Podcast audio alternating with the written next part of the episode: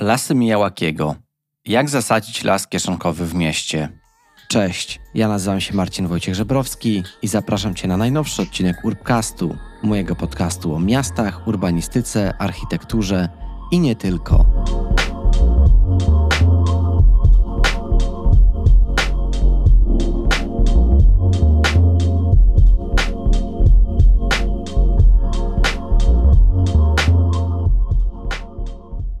Witam Cię serdecznie w najnowszym odcinku Urbcastu, w którym to będziemy kontynuować wątek natury, a przede wszystkim lasu w naszych miastach. Porozmawiamy o lasach Miałakiego, o czwartej przyrodzie, a także o parkach kieszonkowych w kontekście miejskim. Moim dzisiejszym gościem jest doktor inżynier Kasper Jakubowski, który jest architektem krajobrazu, edukatorem, a także aktywistą miejskim. Kaspra, tak jak zresztą też mówię w tej naszej rozmowie, poznawałem stopniowo.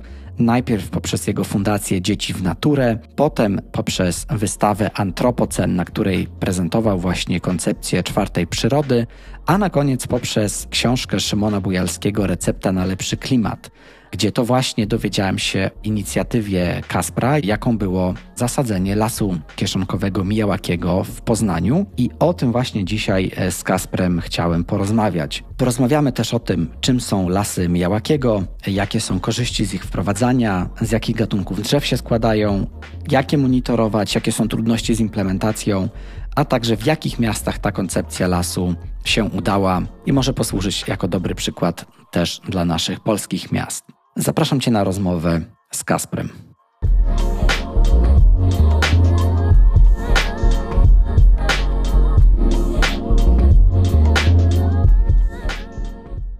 Cześć Kasper. Cześć. Ja tak jak do ciebie zresztą pisałem jakiś czas temu, ja cię poznawałem stopniowo i cieszę się, że teraz mamy okazję się poznać no niemalże osobiście. Widzimy się, słyszymy się na żywo, jednak nagrywamy zdalnie, ale ja już od jakiegoś czasu mm, o tobie słyszałem, bo pojawiła się twoja osoba w moim przygotowaniu do pewnej rozmowy. Mówimy tutaj o Fundacji Dzieci w Naturę.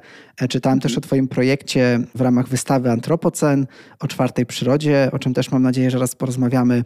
A także pojawiłeś się przy niesamowicie ciekawym temacie w książce Szymona Bujalskiego Recepta na lepszy klimat. Więc tych rzeczy jest dużo i chyba byłoby najlepiej, gdybyśmy właśnie spróbowali też przedstawić te Twoje działania. Wymieniłem już kilka z nich, ale no jestem pewien, że to nie jest jedyne, czym się zajmujesz, więc jakbyś tak mógł też krótko opowiedzieć o tym, jak Ty pracujesz z tą przyrodą i z tymi tematami właśnie związanymi z, z zielenią.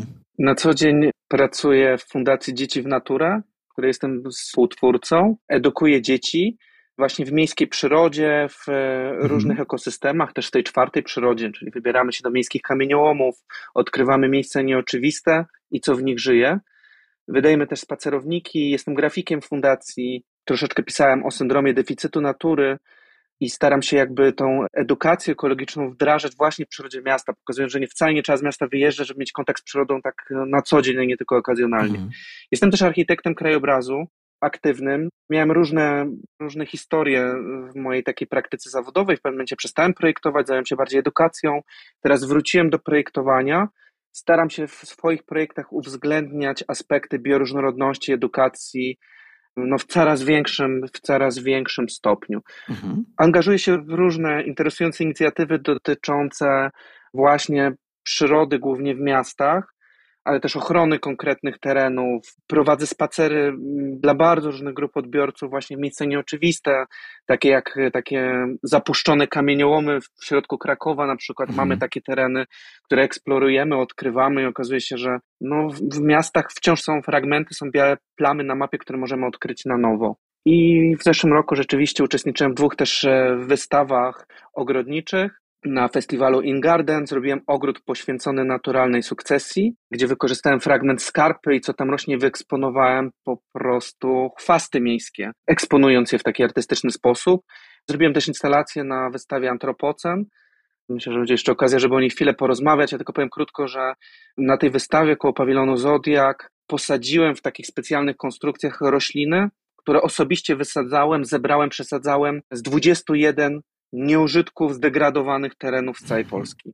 Pamiętam te rośliny, pamiętam, że przykuły moją uwagę wtedy, gdy byłem właśnie na tej wystawie, więc można powiedzieć, że poznałem Cię po raz kolejny, tak? Nie tylko poprzez tamte wcześniejsze spotkania.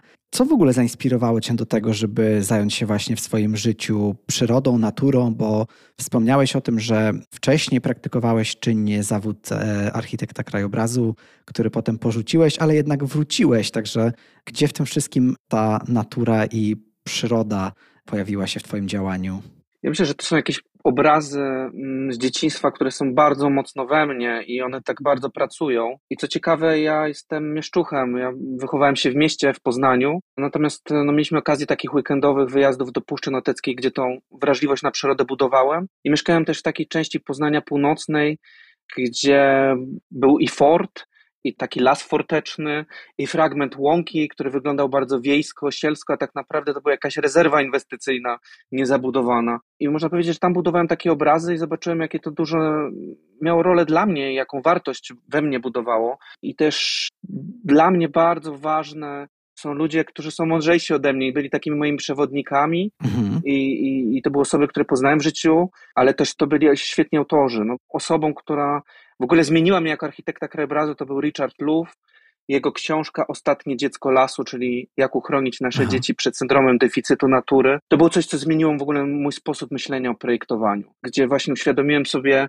jak bardzo jesteśmy odseparowani dużym murem od tego świata natury i że my na nowo musimy się nauczyć tej więzi z przyrodą i na nowo wrócić do tego doświadczenia albo odkryć na nowo to doświadczenie, które jeszcze dla pokolenia naszych dziadków było oczywistością, ale też nierzadko nas że następne pokolenia już nie mają tej szansy, bo już często w miastach nie mają gdzie wrócić do tej przyrody. Mhm. I to mi otworzyło też oczy właśnie na to, co jest w mieście po prostu mhm. i jak to jest ważne. Na koniec naszego spotkania będę Cię właśnie prosił o polecenie książkowe, ale już mamy jednego mocnego kandydata. Być może podczas tej rozmowy pojawią się jeszcze inne polecenia książek, które warto przeczytać. Jeśli jesteśmy już przy książkach, to myślę, że rozmawiając z Tobą ciężko nie wspomnieć właśnie o koncepcji czwartej przyrody. Już tak naprawdę o niej wspomnieliśmy. I taki tytuł nosi też Twoja książka wydana razem z Fundacją Dzieci w Naturę. Co powinniśmy wiedzieć o tej właśnie czwartej przyrodzie w, w kontekście tej naszej rozmowy? Czwarta przyroda, od razu dodam, że to nie jest ta najgorsza. Mhm. To jest pojęcie wprowadzone przez profesora Ingo Kowarika, berlińskiego badacza, a właściwie całej szkoły e, berlińskich przyrodników, którzy badali przyrodę powojenną niemieckich miast po II wojnie światowej. W tej chwili już jest trzecie pokolenie badaczy i jakby przedmiotem ich fascynacji, właśnie inwentaryzacji przyrodniczych badań jest ta przyroda kolonizująca ruiny, kolonizujące tereny poprzemysłowe zaniechane przez człowieka. Mhm. I okazuje się, że te właśnie krajobrazy ewoluujące w miastach, one są bardzo dynamicznym układem i tworzą bardzo ciekawe zbiorowiska i te zmieniają się w czasie i są często właśnie niedoceniane, często nie, nie objęte ochroną jako ta gorsza przyroda, moglibyśmy powiedzieć. Mhm. Tymczasem wielu badaczy dzisiaj podkreśla, że właśnie te tak zwane novel ecosystems, nowe ekosystemy są nadzieją dla miast. I w Berlinie to są na przykład torowiska, które straciły swoje znaczenie w wyniku podziału na Berlin wschodni i zachodni. Mhm. To są zburzone dworce, które dzisiaj są takimi plamami gęstej zieleni w tej tkance zabudowej Berlina. Tych terenów jest całkiem dużo. No, w Krakowie to są na przykład nieczynne kamieniołomy. Wystarczy 10, mhm. 20, 30 lat i one w sposób spektakularny odzyskują swoje przyrodnicze walory i zyskują właściwie rangę rezerwatu przyrody choć trzeba pamiętać, że to są tereny przekształcone przez człowieka albo wynikiem jakiejś katastrofy ekologicznej. A jak jako mieszkańcy możemy właśnie dostrzec wartość takich miejsc i bioróżnorodność tych miejsc, jakby docenić też, też tą taką czwartą przyrodę? Czy są jakieś sposoby na to, żeby ktoś, kto mieszka w mieście, spojrzał na to w bardziej przychylny sposób? No bo zazwyczaj jak słyszy się o chwastach w mieście, no to raczej w kontekście ich wyrywania. Tak niestety pokutuje tutaj myślenie o tej właśnie kaszczach, nieużytkach, krzaczorach, one są często bardzo brzydko nazywane, tego typu tereny i to, co na nich rośnie, jako terenach bezwartościowych, e, jałowych, o niskiej wartości przyrodniczej, które właściwie możemy zainwestować, takie brownfields u góry. Mhm. I wynika to też z tego, że Duża część Polaków kojarzy te tereny z jakimś upadkiem zakładów poprzemysłowych, transformacją lat 90., kiedy te wielkie zakłady traciły swoje gospodarcze znaczenie, zaczęły podupadać, no i pojawiała się przyroda. Dodatkowo też nadrabiamy jakieś takie zaległości właśnie tych, tych minionych epok, kiedy nie zwracało się uwagi na jakość przestrzeni publicznej, na zieleń i można powiedzieć, że teraz jest taki zachwyt właśnie tymi tujami, tymi centrami ogrodniczymi, mhm. tymi roślinami uprawianymi w szkółkach, kolorowymi, pstrokatymi, Tymczasem no, brakuje nam wrażliwości na to, co pospolite, co ruderalne, co się, co się pojawia samo. Ja przygotowując tego e-booka, tą książkę właśnie o czwartej przyrodzie, analizowałem 10 miast europejskich mhm. i zwiedzałem je właśnie po terenami poprzemysłowymi, obrzeżami, parkami zakładanymi właśnie w miejscach takiej sukcesji ekologicznej i zobaczyłem trend odwrotny, właśnie takiego zainteresowania tą ruderalnością, sukcesją i czy inicjowania procesów naturalnych często w kontekście nowej też nowoczesnej architektury. Mhm. Jakby tam ta świadomość ekologiczna i nacisk bio, na bioróżnorodność był bardzo duży. Co ciekawe, też nie oznacza to też prostej akceptacji często, że były chwasty, są chwasty i te mhm. chwasty zostaną, tylko że projektanci szukają jakichś bardzo ciekawych form, e, jak to eksponować, jak to ludziom przybliżać, jak atrakcyjniać, jak pokazywać ogromną ekologiczną wartość, przecież te nieużytki tak zwane, one są bardzo cennym schronieniem, pożytkiem dla owadów, które nam w dramatyczny mhm. sposób znikają z krajobrazu wiejskiego, i w ogóle znikają w całej Europie, motyle, dzikie zapylacze. Tymczasem te nieużytki to naprawdę są nadzieją dla, dla miast. No i jest jeszcze jedna tutaj rola, że to są zbiorowiska hybrydowe. Co to znaczy? To znaczy, że w składzie gatunkowym mamy zarówno gatunki rodzime, jak i też w dużej części gatunki obcego pochodzenia, a wśród tych mhm. obcego pochodzenia są też gatunki inwazyjne. I to też powoduje, że duża część przyrodników patrzy niechętnie na te miejsca, jako że to nie jest prawdziwa przyroda. To nie jest przyroda, która jest warta ochrony, warta, żeby ją badać, jak ona się zmienia. I, i wydaje mi się, że opowiedzenie o tym jako czwartej przyrody jest próba jakiejś nowej narracji, która pokaże wartość tych miejsc, pokaże, że to są miejsca właśnie, które ewoluują, które się świetnie adoptują do tej katastrofy klimatycznej, mhm. gdzie możemy po prostu obserwować, jak ta przyroda się zmienia, jak w stanie jest się przetrwać. Co ciekawe, to są też rośliny, które często rosną na betonie, na asfalcie, na ruinach po prostu. No i dochodzi do tego takie kulturowe zainteresowanie. To nie jest tak, że wszyscy patrzą negatywnie na to, co tam rośnie. Ja mhm. widzę to, widzimy to w dzieci w naturę i widzę to po ilości audycji, artykułów e, na ten temat, że rośnie zainteresowanie właśnie tą dzikością w mieście, tą ruderalnością, że jest rosnąca grupa ludzi, którzy myśli inaczej o naturze w swojej najbliższej okolicy i to już nie musi być natura taka wypielęgnowana w 100%.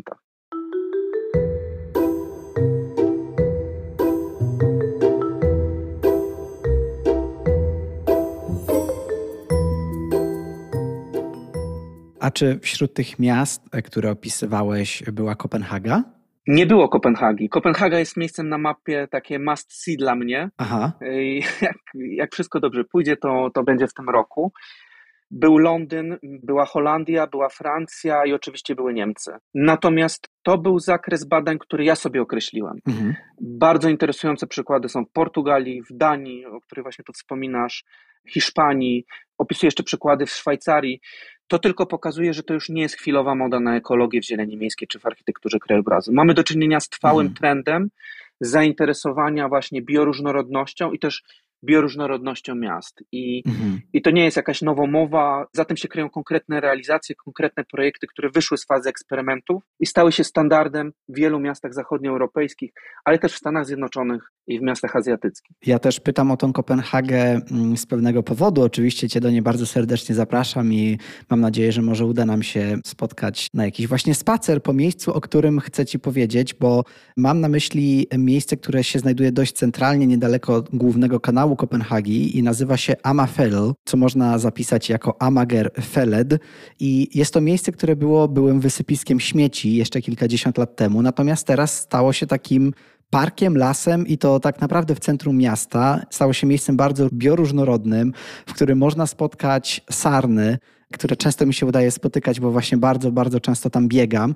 Jest to miejsce, które można powiedzieć, że totalnie zarosło. I jakiś czas temu miasto zdecydowało się sprzedać kawałek tego terenu i stworzyć tam osiedle. I podniósł się spory bunt mieszkańców, którzy jednak nie chcieli tego skrawka przyrody tracić. Skrawka, który jeszcze kilka dekad temu był właśnie wysypiskiem śmieci, a teraz się okazał takim hotspotem, jak to mówi Karol Podyma, bioróżnorodności. Także zapraszam Cię do, do doświadczenia tego bardzo ciekawego właśnie miejsca dzikiej czwartej przyrody przyjemnością. Ja powiem, że to jest takie symptomatyczne właśnie dla tych terenów czwartej przyrody, że one mają wpisaną y, na jakimś etapie historii tych miejsc katastrofę ekologiczną. Mhm. E, czy to są kamieniołomy, czy to są wysypiska śmieci, czy tereny no, nawet skażone po prostu, czy zabetonowane. One bardzo szybko odzyskują potem przyrodnicze wartości, zazieleniają się same i myślę, że to jest też najbardziej fascynujące w tym Aha. i dające też nadzieję, że te tereny takie wyeksploatowane, zniszczone, zdegradowane, odzyskują tak szybko te, te przyrodnicze walory. Wspomniałem, że w tym e, miejscu, w tym parku w Kopenhadze jest tak naprawdę las, tak? Bo jest tam dużo drzew. Tak, tak. I chciałbym przejść właśnie do tematu lasu ponieważ, tak jak zresztą wcześniej rozmawialiśmy, też przed naszą rozmową, temat czwartej przyrody to jest temat niesamowicie głęboki i myślę, że moglibyśmy spokojnie się umówić na kolejną osobną rozmowę na, stricte na ten temat. Natomiast mnie niesamowicie ostatnio zainteresował temat lasu Mijawakiego. Przeczytałem o tym w książce Szymona Bujalskiego i stwierdziłem, że to jest tak niesamowicie ciekawy temat, że zapytam u źródła, ponieważ ty mm, pierwszy taki las w Polsce zrealizowałeś razem z, z innymi innymi ludźmi. Zanim jednak do tego przejdziemy, chciałem Cię zapytać właśnie, czym są, czyli jaka jest metoda w ogóle sadzenia takiego lasu mijawakiego? Rzeczywiście w 2021 roku w listopadzie udało nam się posadzić trzy pierwsze miejskie takie lasy kieszonkowe, bo na wsi powstał miesiąc wcześniej, dosłownie w Rozwarowie, Także to był taki rok, gdzie te lasy kieszonkowe Aha. zaczęły w Polsce powstawać w kilku miejscach. Udało mi się przekonać do tego poznańskiego dewelopera, żeby posadził takie lasy y, na swoim osiedlu, dosłownie między blokami wysokimi. Czym są te lasy kieszonkowe Mijałakiego? Czy to jest jakaś super cudowna nowa metoda na, nie wiem, zazielenianie miast, na renaturyzację? Ja myślę, że to jest y, świetna metoda wprowadzania zieleni tam, gdzie jej nie ma. Ta, mhm. To jest świetna metoda na, na walkę z miejską betonozą i to może być bardzo atrakcyjne rozwiązanie do kształtowania powierzchni biologicznie czynnych właśnie przy nowych osiedlach. Ja do tej metody sięgnąłem właśnie ucząc się i, i w ogóle poznając osobę też Akira Miyawakiego, to jest taki japoński botanik, badacz. Co ciekawe, to nie jest jakaś właśnie wielkie odkrycie teraz, ponieważ ta metoda ma już 50 mm. lat. On no obserwując no takie naturalne, pierwotne niemalże zbiorowiska leśne, i badając też takie bardzo stare zagajniki przy świątyniach azjatyckich i japońskich, opracował taką metodę sadzenia lasów w trudnych przestrzeniach, na zdegradowanym podłożu, często zanieczyszczonym, zerodowanym. Jakbym miał tak powiedzieć w kilku punktach, co jest klucz tej metody, to po pierwsze to jest zbudowanie gleby.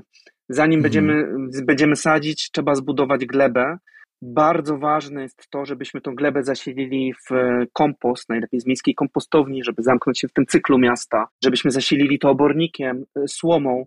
Ja nawet gruz czy jakieś śmieci nie, nie są wielkim problemem. Chodzi o to, żeby wzbogacić to podłoże, zasilić, stworzyć odpowiednie warunki też do rozwoju grzybów, bakterii, tego wszystkiego, co w leśnej glebie występuje, bo tylko to jest gwarancją sukcesu, że ten mhm. las będzie się rozwijał. Druga rzecz jest taka, że te lasy są posadzone bardzo gęsto, sadzi się bardzo dużo gatunków rodzimych, to najczęściej 25 do 30 gatunków i sadzi się je w nawiązaniu do typu siedliskowego, który mógłby rosnąć w tym miejscu. To nie jest przypadkowe. Każde miejsce mm, jest w Polsce zmapowane pod kątem roślinności, która mogłaby tam potencjalnie rosnąć, gdyby człowiek się wycofał.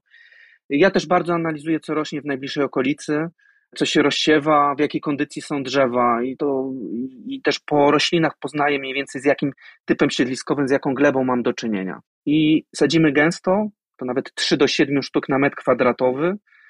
Leśnicy to się często pukają w głowy, jak widzą, mówią, że to jest taka leśna samowolka. Sadzimy gatunki rodzime, bardzo dużo sadzimy gatunków tutaj klimaksowych. To jest takie trudne pojęcie, ono opisuje, to są gatunki charakterystyczne dla tej dojrzałej fazy lasu, ponieważ ten las, on się w ciągu swojego życia zmienia i zmieniają się gatunki, które w nim występują. Najpierw są gatunki pionierskie i docelowo są to gdzieś te gatunki klimaksowe, które są najlepiej przystosowane do danego siedliska, a my te gatunki sadzimy w dużej ilości od razu. I tyle. Potem jeszcze jedną ważną rzeczą to jest ściółkowanie. Mhm. Że my ten las e, ściółkujemy. Tego lasu nie trzeba wcale podlewać, tak jak podlewa się drzewa posadzone w zieleni miejskiej, zwłaszcza w ostatnich latach w Polsce, pewnie w Kopenhadze wygląda tak samo, mhm. E, że są bardzo duże okresy suszy, które powodują, że duża część posadzonych drzew po prostu nie jest w stanie wytrzymać pierwszego, drugiego, trzeciego sezonu. Mhm. W tym lesie my budujemy glebę to gleba ma zatrzymać wodę, to gleba nam ma budować retencję i kapilarnie tą wodę po prostu przyciągać tak, żeby była dostępna dla korzeni tych drzewek i krzewów. I tą glebę tworzymy przez ściółkę, przez słomę, przez kompost.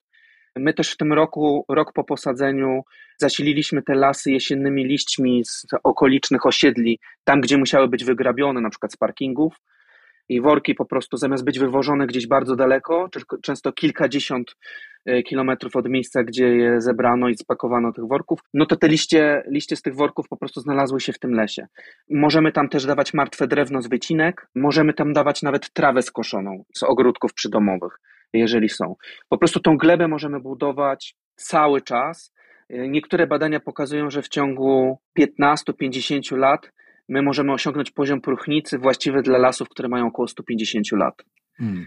I to próchnica jest dzisiaj kluczowa dla e, magazynowania dwutlenku węgla, dla zatrzymywania wody w krajobrazie, w glebie, a nie tylko drzewa, czyli to, co rośnie nad ziemią. I właściwie to jest przepis na ten las. Ja jeszcze robię to tak, ponieważ sadziliśmy go z dużą liczbą mieszkańców, to jest ogromna energia społeczna, która się uwolniła przy okazji sadzenia tych lasów w Poznaniu. To jeszcze poprosiłem, żebyśmy nie sadzili tych samych gatunków obok siebie, żebyśmy nie sadzili w linii, bo te lasy to nie są plantacje leśne, tylko że mają być posadzone w sposób jak najbardziej przypadkowy, e, żebyśmy naśladowali ptaki, które je sadzą. Dzieci się świetnie w tym odnajdują i to też bardzo, bardzo było ciekawe po prostu animować to sadzenie razem z mieszkańcami, a później dzieci, z dziećmi z przedszkoli czy szkół.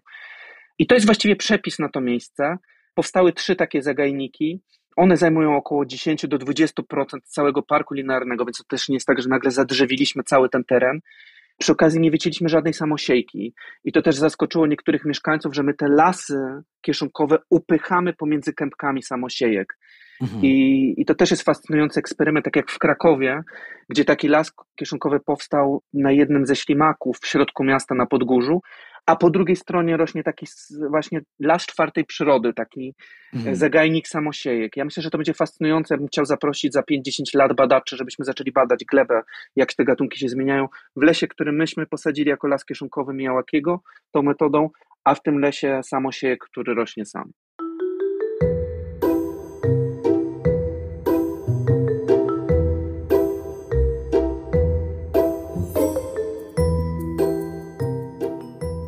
No tak, tym bardziej, że w takim e, lesie Mijawakiego, z, z tego co też wyczytałem w książce Szymona Bujalskiego, no ten proces wzrostu roślin jest 10 razy szybszy, tak? I, i te lasy stają się nawet do 30 razy, razy gęstsze i do 100 razy bardziej różnorodne niż te lasy e, sadzone w tradycyjny sposób, także na pewno e, jest w tym dużo korzyści. Wiem, że Akira Miyawaki niestety zmarł dość niedawno, w 2021 roku, ale dożył 93 lat, także to też jest chyba tak, taka korzyść tego, że zajmował się e, tak dużo roślinnością. I o tych korzyściach roślinności roślinności właśnie chciałem jeszcze porozmawiać.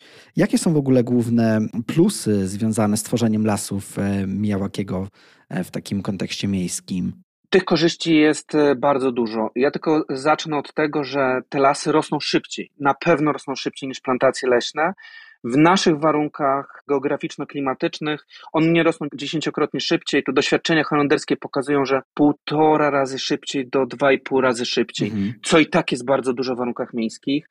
Mamy doświadczenie zarządów zieleni, które sadzą miejskie drzewa, które nie mają przyrostu po kilku latach. To znaczy te drzewa mhm. posadzone, często całkiem dużych rozmiarów, one nie mają rocznych przyrostów, ponieważ tak są niekorzystne warunki siedliskowo-klimatyczne w miastach. Więc coś, co przyrasta już dwukrotnie szybciej, to jest ogromna korzyść. Czyli rosną szybciej. Nie ukrywam, że tutaj może przekonać deweloperów też to, że te lasy są stosunkowo tanie. My sadzimy mhm. młodzież, sadzimy sadzonki dwu, trzyletnie, niskie oczywiście w dużym zagęszczeniu. Przede wszystkim też e, te lasy nie wymagają nadmiernej pielęgnacji. Jeżeli budujemy glebę, jeżeli zrobimy to w 100% zgodnie z metodą, nie na skróty, a pokusa niestety czasem jest, to wtedy zapewnimy sobie, że ten las stanie się takim samoregulującym organizmem, takim mikrosiedliskiem leśnym w tym właśnie w środku tego osiedla. Mhm. I nie będziemy musieli go podlewać.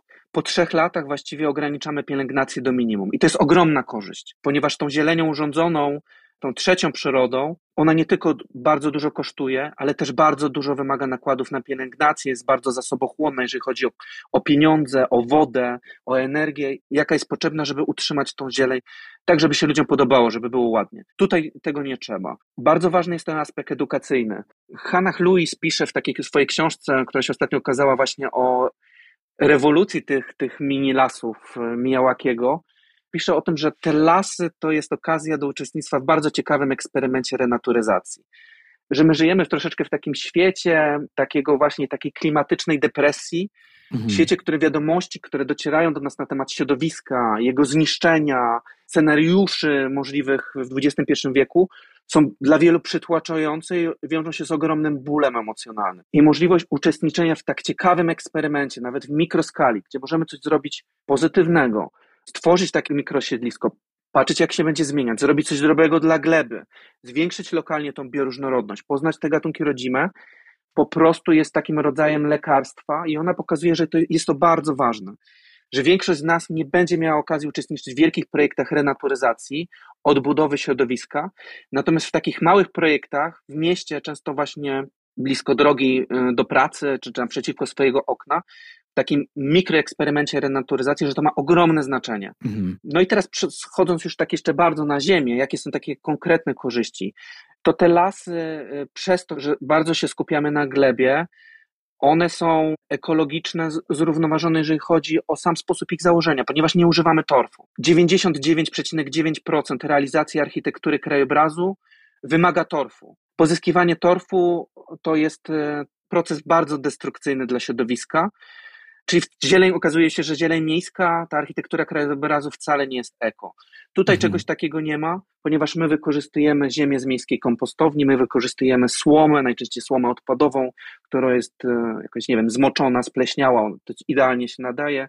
Wykorzystujemy liście, które nie będą włożone do worków, czyli można powiedzieć, że zamykamy się troszeczkę w cyklu takiego miasta, dzielnicy, a na, a na pewno jakieś osiedla czy jednostki mieszkaniowej. Te lasy mają wpływ na mikroklimat, potrafią zmienić temperaturę otoczenia nawet o 4 do 10 stopni Celsjusza. To są też ekogąbki. Jeżeli one powstaną w delikatnym zagłębieniu, możemy tam odprowadzać część wód opadowych z powierzchni utwardzonych. Zwiększają bioróżnorodność. To jest też, e, dużo o tym mówiłem, ale to się wiąże nie tylko z bogactwem owadów, ale też z bogactwem ptaków. Mhm. Wiemy, że żeby przyroda mogła dla nas pracować i dostarczać szeregu korzyści, tak zwanych układ ekosystemów, wymaga to tego, żeby była bardzo bioróżnorodna. Jeżeli nam przyroda jałowieje, no to przestaje działać, przestaje dla nas pracować i to jest y, też ważna rola. Ważny jest też e, wymiar akustyczny, że, że takie lasy są w stanie zmniejszyć ilość decybeli od 10 nawet do 40, czyli możemy je posadzić jako takie grube bufory, ekrany akustyczne, otaczające też jednostki mieszkaniowe. I te krajobrazy ciszy to też jest dzisiaj bardzo ważne, że jesteśmy przytłoczeni nie tylko miejską wyspą ciepła, że miasta to betonowe hmm. patelnie, ale też to po prostu hałaśliwością miast, które, których życie staje się po prostu nieznośne. I tworzenie takich enklaw ciszy okazuje się, że może być po prostu czymś upragnionym i rzeczywiście tu wracam i do tej idei Mijałakiego, no, który szukał właśnie tych leśnych enklaw ostoi jako też punktu wyjścia. Krajobrazy ciszy czy enklawy ciszy to niesamowite, ciekawe podejście do jakby odpowiedź na takie nasze potrzeby, bo hałas miejski to jest zdecydowanie coś, co trapi e, nasze miasta. Trapi też mnie osobiście, który e, mieszkając gdzieś tam w miarę centralnie w Kopenhadze też doświadczam tego hałasu codziennie i czuję, jak to bardzo obniża jakiś tam poziom zdrowia, życia czy po prostu spokoju. Pojawiło się dużo bardzo ciekawych wątków. Ja tylko tak krótko podsumuję, że mamy takie kolejne polecenie, czyli wspominałeś o Hanie Louis, która jest e, autorką Mini Forest Revolution, tak? czyli książki takiej, tak. która, która właśnie to opisuje. Ja też mówię o tych poleceniach, dlatego że ja wiem, że słucha mnie coraz więcej architektek i architektów krajobrazu i architektura krajobrazu, zieleń to jest temat, który bardzo lubię poruszać na łamach tego podcastu. Częścią tego też jest właśnie ta nasza rozmowa, więc pytając jeszcze w takim kontekście właśnie, żeby było też ciekawie dla tych osób, to czy mógłbyś wymienić jakie gatunki drzew są najczęściej wykorzystywane w tej metodzie Mijałakiego i dlaczego? Jakbyś może mógł użyć dwóch, trzech przykładów? W miastach, szczególnie w polskich miastach, mamy do czynienia z dużą ilością gruzów w glebie, czyli ta gleba ma odczyn zasadowy i co ciekawe, w wielu przypadkach ona jest zbliżona do grądu. Las grądu to jest taki dość popularny las liściasty, w którym dominują dęby, ale też graby, lipy, buki, klony pospolite i to są te drzewa najwyższych e, koron. One tworzą taki charakterystyczny wysoki okap. Jeżeli jesteśmy w takim 100-200-letnim lesie grądowym, to wygląda to po prostu, możemy się poczuć jak świątyni wśród tych dębów, pod tymi dębami, mhm. grabami czy bukami. Ale oczywiście las to jest bardzo wielopiętrowa struktura i pod okapem rosną równie ciekawe, ale niższe gatunki drzew. I tam są gatunki często takie dzikie gatunki owocowe. Tam jest dzika jabłoń, która jest bardzo kolczasta, jest dzika grusza, jest e, czereśnia ptasia, czyli ta kuzynka tej, tej uprawnej czereśni. Są jarząby w Wielkopolsce, to jest na przykład jarząb brekinia. Pojawia się też topola osika tutaj, którą bardzo z kolei lubią zwierzęta. Jeszcze niżej mamy, mamy gatunki krzewów czy niskich drzew, to jest czarny bez, to jest kalina koralowa, jest mój ulubiona, ja ją stosuję wszędzie w projektach, które robię. To jest taki gatunek szczególnie biocenotyczny, to znaczy na każdym etapie mhm. wegetacji w ciągu roku coś dobrego robi dla innych organizmów. Od momentu kwitnienia, przez rozwój liści, czy owocowania, czy też zimą, służy jakimś grupom organizmów jest też piękna. Też nie jest nie mhm. tylko pożyteczna, ale też piękna. Czarny bez na przykład jest gatunkiem bardzo ruderalnym, pospolitym i często niedocenianym. Mamy też krzewy w lasach, derenie świdwy. Zachwycamy się czasem tymi popularnymi dereniami, nie wiem, syberyjskimi czy dereniami ze Stanów Zjednoczonych, a mamy nasz dereń świdwa z lasu. I myślę, bardzo ciekawe są też te gatunki na styku lasu i tych takich siedlisk półotwartych, czy łąki pól. Tam jest też, pojawia się śliwa tarnina, gdzieś łuk kruszyna, z której dawniej wyrabiano proch, mhm. szakłak. Ta lista gatunków jest bardzo, bardzo cenna. Dla mnie też taką ideą jest, że kiedy już e, decyduje się podjąć taki projekt lasu kieszonkowego, a rośnie zainteresowanie tego typu inicjatywami, to szukam też gatunków charakterystycznych dla danego siedliska, nie wiem, bioregionu, województwa, e, bo okazuje się, że wszędzie w Polsce mamy takie przyrodnicze osobliwości, Warto czasem też pozyskać nasiona żołędzie z jakichś bardzo starych drzew i po prostu w tym lesie rozrzucić. Nie tylko sadzić, mhm. ale też rozrzucać nasiona. I jeszcze tak tylko dodam, że ja do tych lasów nie tylko sadzę je zostawiam, tylko ja do nich wracam. I wracamy tam, też udało mi się przekonać, bo deweloper strasznie kupił ten pomysł, ten poznański deweloper. Jak zobaczył, jaki sukces frekwencyjny, zobaczył, że ta idea naprawdę chwyciła, że, że jest to mądre, tanie, i że ludziom się to podoba, to jakby idzie za ciosem i pięć miesięcy później zaszczepialiśmy w tym lesie leśne runo. Czyli las to nie tylko drzewa krzewy, o których mówiłem, ale to też rośliny, te kwitnące dywany leśne, paprocie, tużyce, sity, y, zawilce gajowe, konwalie. Mam bardzo dużo roślin charakterystycznych dla starych lasów, które one nigdy tam same się nie pojawią, ale my możemy je transplantować, przeszczepiać. No i też sadzimy cebule leśne, e, na przykład czoski niedźwiedzie możemy posadzić. Mhm. No to jest fascynujący eksperyment. Ja nie wiem do końca, jak te lasy się będą rozwijać w tych miejskich wyspach ciepła, ale to jest fascynujący po prostu eksperyment pole do obserwacji i możemy to robić razem z mieszkańcami. Czy ja widzę same korzyści tego. Ciekawe jest chyba to właśnie, że ci często jeszcze w dzisiejszych czasach demonizowani deweloperzy, często słusznie, zauważają też korzyści tak, z, z takiego podejścia do zieleni. Okazuje się, że to się zwraca, e, tak, że inwestycja się zwraca na wielu różnych poziomach. Także mnie to cieszy, bo mam nadzieję, że takich lasów będziemy widzieć też więcej. Ja rozumiem, że ty też mocno jesteś osadzony w tym polskim kontekście. Mówiłeś o takim, o takim naszym kontekście w mówiąc o tych roślinach. E, ja jeszcze chciałem się tylko dopytać, bo wyczytałem też przygotowując się do tej rozmowy, że takimi e, gatunkami drzew mogą być e, sosna japońska, wiąz górski, klon japoński, topola biała, czy na przykład kasztanowiec japoński. Czy słyszałeś właśnie o takich gatunkach, które tworzą te lasy? Myślę, że te gatunki są powszechnie spotykane, ale w Japonii, mhm. bo Miyawaki mówił, żeby zwrócić się przede wszystkim w kierunku gatunków rodzimych, mhm. i charakterystycznych dla danego siedliska. I ta metoda zakłada bardzo gruntowne zbadanie tego podłoża przed przystąpieniem lasu i określenie tego typu siedliskowego lasu. Mhm. Czyli raczej kasztana japońskiego nie spotkamy. Być może za kilka lat wsieje nam się, albo któryś z mieszkańców rzuci kasztana jadalnego, mhm. bo okazuje się, że te, te gatunki też zaczynają wędrować w wyniku zmian klimatycznych i część gatunków z południa coraz się lepiej się czuje w naszej szerokości geograficznej. I już widziałem w lesie w Krakowie, że wsiewa się morwa, nie będziemy jej usuwać. Morwa biała nie jest gatunkiem rodzimym, ale po prostu coraz lepiej się czuje i to też o to chodzi, żeby te lasy mogły się adaptować, żeby nie patrzeć tak właśnie zero-jedynkowo, co tam może rosnąć, a co nie, tylko żeby te lasy mogły się też zmieniać, zmieniać same, ale przede wszystkim gatunki rodzime.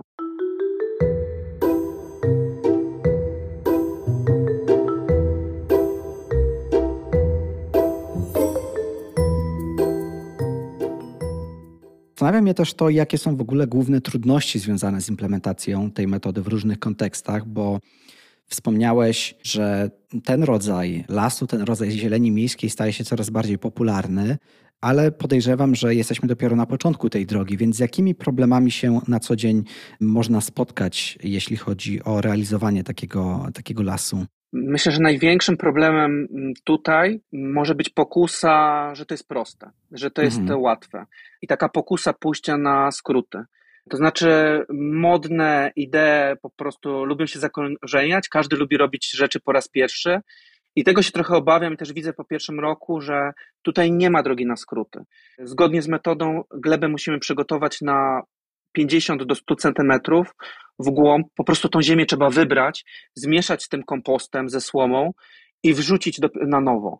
I tego się nie da obejść. My nie możemy po prostu wykopać dołków, zasypać, posadzić drzew, zasypać korą i powiedzieć, że to jest las Mijałakiego, bo to nie jest las Mijałakiego. Mhm. Druga rzecz jest taka, że czasem w Polsce mamy takie podejście zero-jedynkowe, że nagle jest super narzędzie, metoda i to nam rozwiąże wszystkie problemy ekologiczne miast. No widzimy, że nie rozwiąże. My dzisiaj w miastach przede wszystkim musimy chronić duże tereny zieleni, niezabudowane, właśnie te obszary czwartej przyrody, te tereny, które nam właśnie dziczeją, i tereny cenne przyrodniczo, miejskie mokradła, Także łąki, łąki te takie półnaturalne w miastach, stare lasy, które w miastach są, bo to jest zupełnie kluczowe. Lasy kieszonkowe to jest metoda, tak jak już gdzieś wspominałem, która może się sprawdzić tam, gdzie tej zieleni jest mało mhm. lub ma trudne warunki na start. I myślę, że to o tym też warto pamiętać, że, tych, że nie możemy cennych ekosystemów, nie wiem, mokradłowych zastąpić lasami kieszonkowymi, bo teraz jest moda na lasy kieszonkowe. Mhm. I też chciałbym przestrzec tutaj tych, którzy, którzy chcieliby to zaszczepiać w projektach, że to też trzeba zrobić z głową i trzeba bardzo dobrze te lasy zaplanować.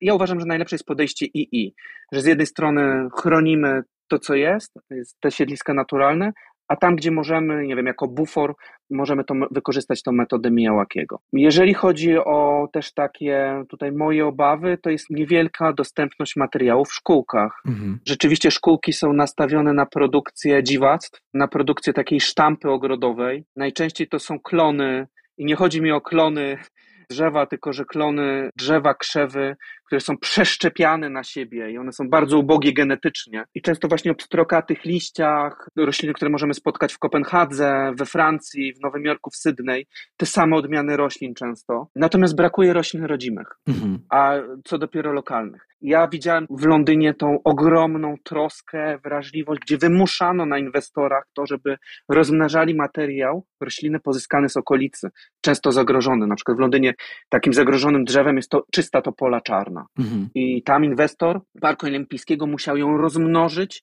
i posadzić w ogrodzie. I tego nie mógł zamówić w holenderskiej szkółce, musiał to zrobić na miejscu. I takiej wrażliwości mi brakuje, żebyśmy po prostu docenili to, co rośnie wokół nas, i być może to jest też podejście, kiedy powstają nowe osiedla, to żebyśmy nie wycinali wszystkiego w pień, a potem to urządzali, zakładali parczki, tylko może tam, gdzie to, co już ma być wycięte, żebyśmy postarali się przesadzić te rośliny, też krzewy, nie tylko drzewa samosieki, ale też krzewy, przechować je w czasie powstawania inwestycji i posadzili je na nowo w lasach kieszonkowych. Mhm. Często takie rośliny właśnie pogardzane, jak wierzby, mamy 25 gatunków wierzby w Polsce. Topole w miastach, nie wiem czemu w Topoli się nie lubi.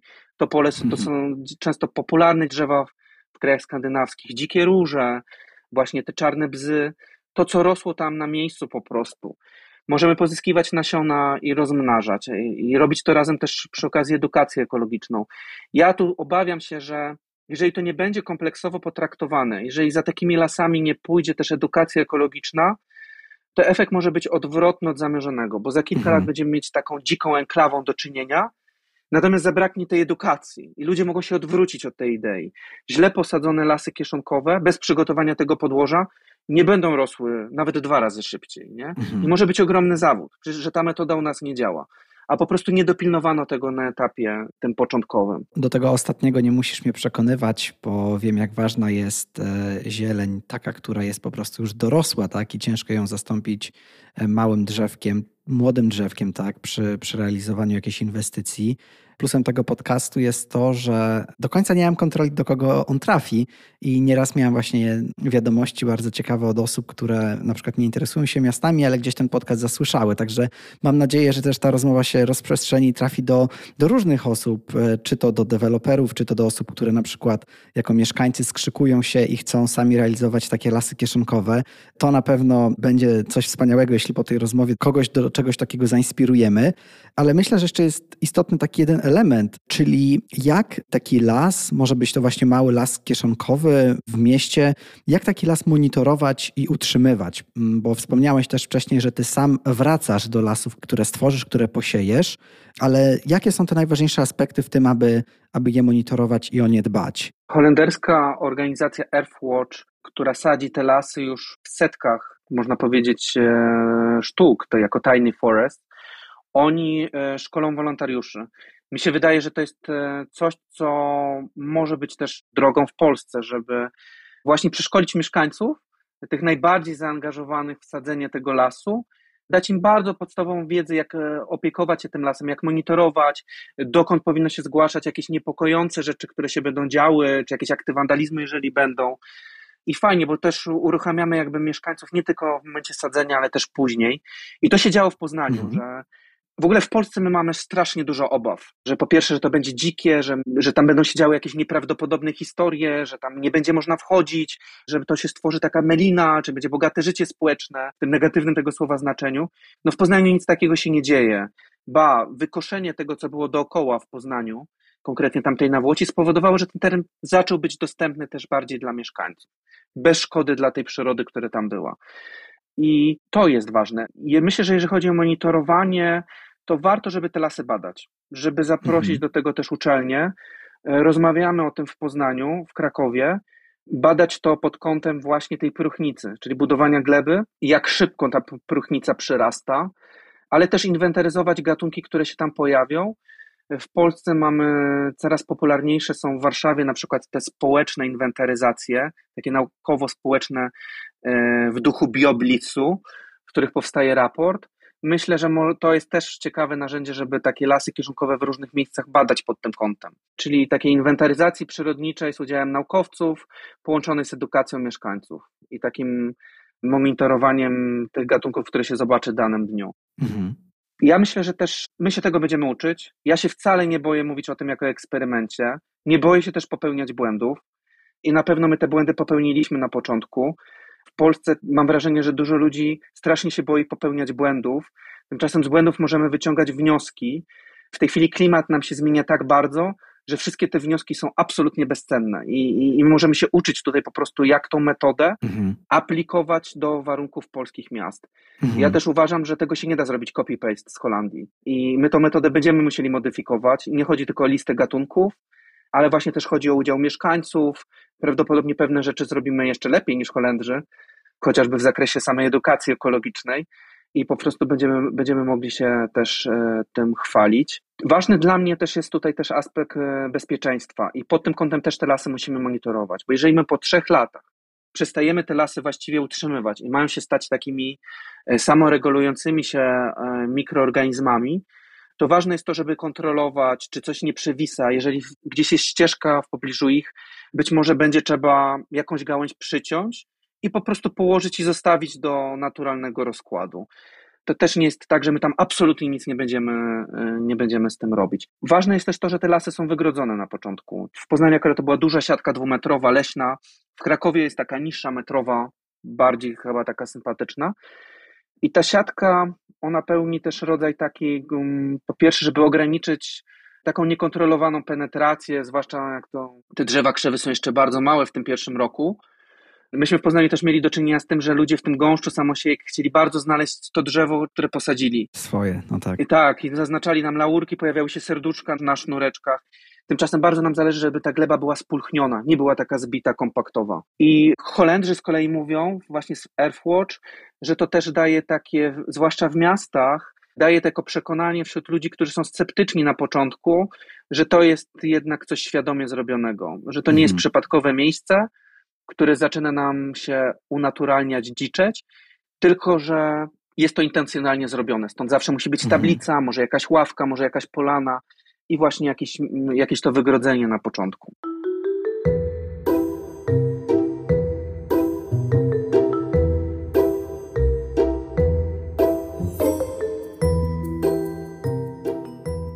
Nie da się zrobić copy-paste, czyli nie da się skopiować na gotowe jakiegoś rozwiązania z innego kraju. Mówiłeś o Holandii. Ja też jako urbanista przed tym przestrzegam. Często jak ktoś zachwyca się Kopenhagą, to mówię dobrze, dobrze, spokojnie.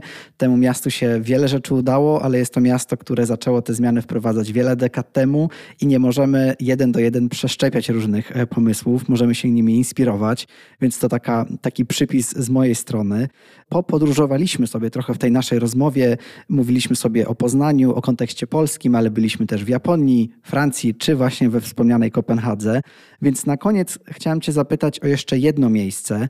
Czy mógłbyś podać jakiś przykład miasta, w którym metoda Miyawakiego została właśnie z powodzeniem zastosowana i przyniosła jakieś korzyści? Może masz jakiś taki swój ulubiony przykład, którym się właśnie inspirujesz? Nie mam takiego jednego przykładu, ponieważ śledząc na przykład w mediach społecznościowych organizacje, które te lasy zakładają, to widzę po prostu setki nowych lasów, które mhm. powstają. Widzę też te starsze. Belgijskie lasy, te najstarsze czy holenderskie, mają już 10 lat. I przyznam, że dla mnie drzewa, które mają 7-10 metrów w tym leśnym gąszczu robią ogromne wrażenie. Takie lasy są między innymi w Antwerpii, y, właśnie te Tiny Forests. Ciekawe też, że tutaj w tym kontekście mogą to być japońskie lasy. Tego jest całkiem sporo w internecie. Ja nie będę polecał jakiegoś konkretnego miejsca, tylko po prostu warto poszperać po prostu w Google e, i zobaczyć te, te najstarsze lasy, te najstarsze przykłady, jeszcze posadzone właśnie tą metodą Akira Miyawakiego. Bardzo inspirujący jest las, który Miyawaki posadził eksperymentalnie na wylesionym stoku i zarodowanym, gdzie tej gleby, tego podłoża było bardzo mało, i po prostu ten las, zgodnie z metodą, którą wymyślił, no posadził na tym stoku, też zabezpieczając go przed dalszą erozją, wymywaniem i jakby budując tą glebę. I mi się wydaje, że to też jest fascynujący przykład, zobaczenie tych najstarszych lasów z japońskich czy azjatyckich miast. Ja przyznam też, że to jest wszystko nowe, to jest wszystko świeże, także dla mnie. Bardzo bym chciał zobaczyć e, w tym roku też te lasy po prostu w miastach zagranicznych i wtedy być może będę mógł Ci już konkretnie powiedzieć konkretne mhm. lokalizacje, tam to zadziałało tak. Tam popełnili taki błąd, a tam zrobili coś ciekawego. I, mhm. I, bardzo też fajne są dla mnie takie realizacje właśnie w osiedlach deweloperskich. We Francji, Belgii, w Holandii, gdzie te lasy kształtują jako element zagospodarowania powierzchni biologicznie czynnych. I tam oczywiście jest miejsce i dla trawnika, i dla rabat bylinowo-trawiastych w duchu Pita Udolfa, które cały czas są w architekturze krajobrazu popularne, dla tych wysokich drzew, dla tej zieleni urządzonej, ale widzę, że też duże połacie są zagospodarowane tą metodą Miyawakiego. I myślę, że to mhm. może być ogromna zachęta dla, do projektowania innej architektury krajobrazu w nowo powstających osiedlach, w każdym dużym i mniejszym mieście. Korzystając jednak z tego, że jesteś e, dosłownie skarbnicą wiedzy w tym temacie, mam jeszcze na koniec pytanie właśnie o polecenie książkowe. I my tych książek już wymieniliśmy e, do tej pory chyba z trzy czy cztery. E, dodam też tylko, że sam Akira Miyawaki, o którym dzisiaj rozmawiamy, też ma książkę, która nazywa się The Healing Power of Forests. Nie wiem, czy jest polska wersja. Ja postaram się te książki wszystkie wymienić na koniec gdzieś tam w opisie odcinka, ale czy ty masz jakieś takie polecenie, którym mógłbyś podzielić się ze słuchającymi nas osobami?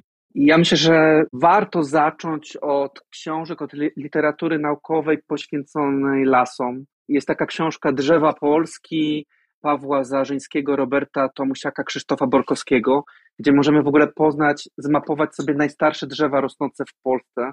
To są często protoplaści potomkowe jakichś pradawnych puszcz starych, często jeszcze pamiętające czasy słowiańskie tutaj i możemy zobaczyć te najstarsze drzewa rosnące.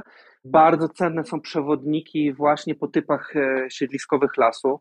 Polecam też przewodniki po prostu o roślinach leśnych. Jest taki przewodnik flory polskiej, rośliny leśne, Leokadii Witkowskiej Żuk, ponieważ tak, ja dużo mówiłem o tym leśnym runie, też pod jednym z moich postów o tych lasach, gdzie pokazywałem właśnie, jak wygląda ten poznański przykład po roku, doktor Łukasz Łuczej mówił mi, napisał mi, zaszczep tam rośliny leśnego runa.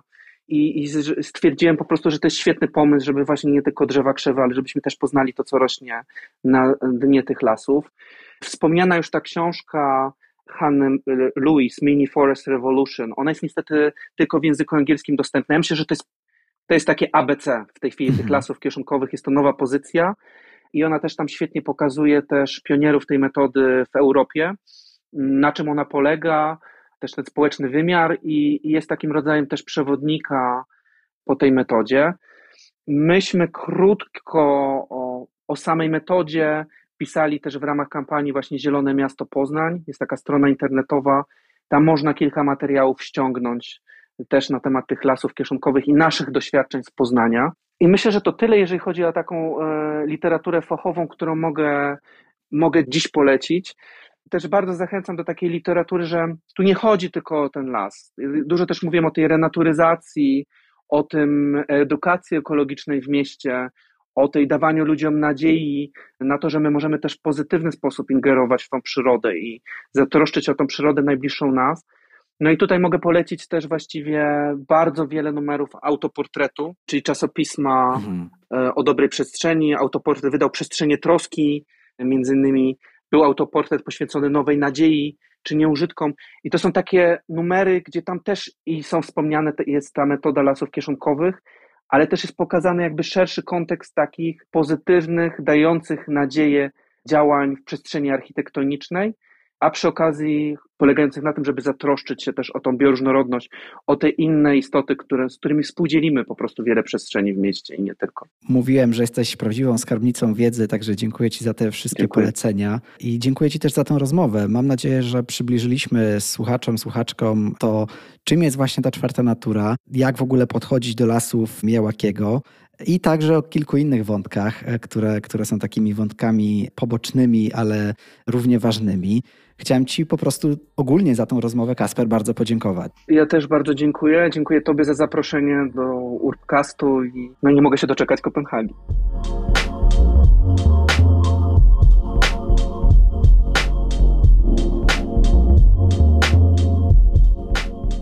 Dziękuję Ci za wysłuchanie najnowszej rozmowy z Kasprem i myślę, że naprawdę było tam bardzo dużo ciekawych informacji dotyczących właśnie czwartej natury, projektowania zieleni w mieście, a także lasów, przede wszystkim lasów Miałakiego, które zostały też dzięki Kasprowi posadzone również w Polsce, w Poznaniu, ale mamy nadzieję, że jest to tylko początek rewolucji i że w Polsce pojawi się tych lasów więcej, a szczególnie, że będą one też częścią nowych projektów, nowych osiedli mieszkaniowych, bo jak się okazuje, tego typu lasy są też korzyścią dla deweloperów. Podsumowując te wszystkie ciekawe informacje, linki, polecane książki, artykuły, to co znalazłem, to dodałem link w opisie tego odcinka. Możesz jeszcze też oczywiście śmiało się do Kacpra odezwać, jeśli miał, miałbyś, miałabyś jakieś dodatkowe przemyślenia czy pytania. Jeśli ten odcinek był dla Ciebie wartościowy, będę wdzięczny, jeśli wesprzesz ten podcast dowolnie wybraną przez siebie kwotą na serwisie Patronite. Dziękuję Ci za to, że tu jesteś i do usłyszenia za tydzień po angielsku i za dwa tygodnie po polsku.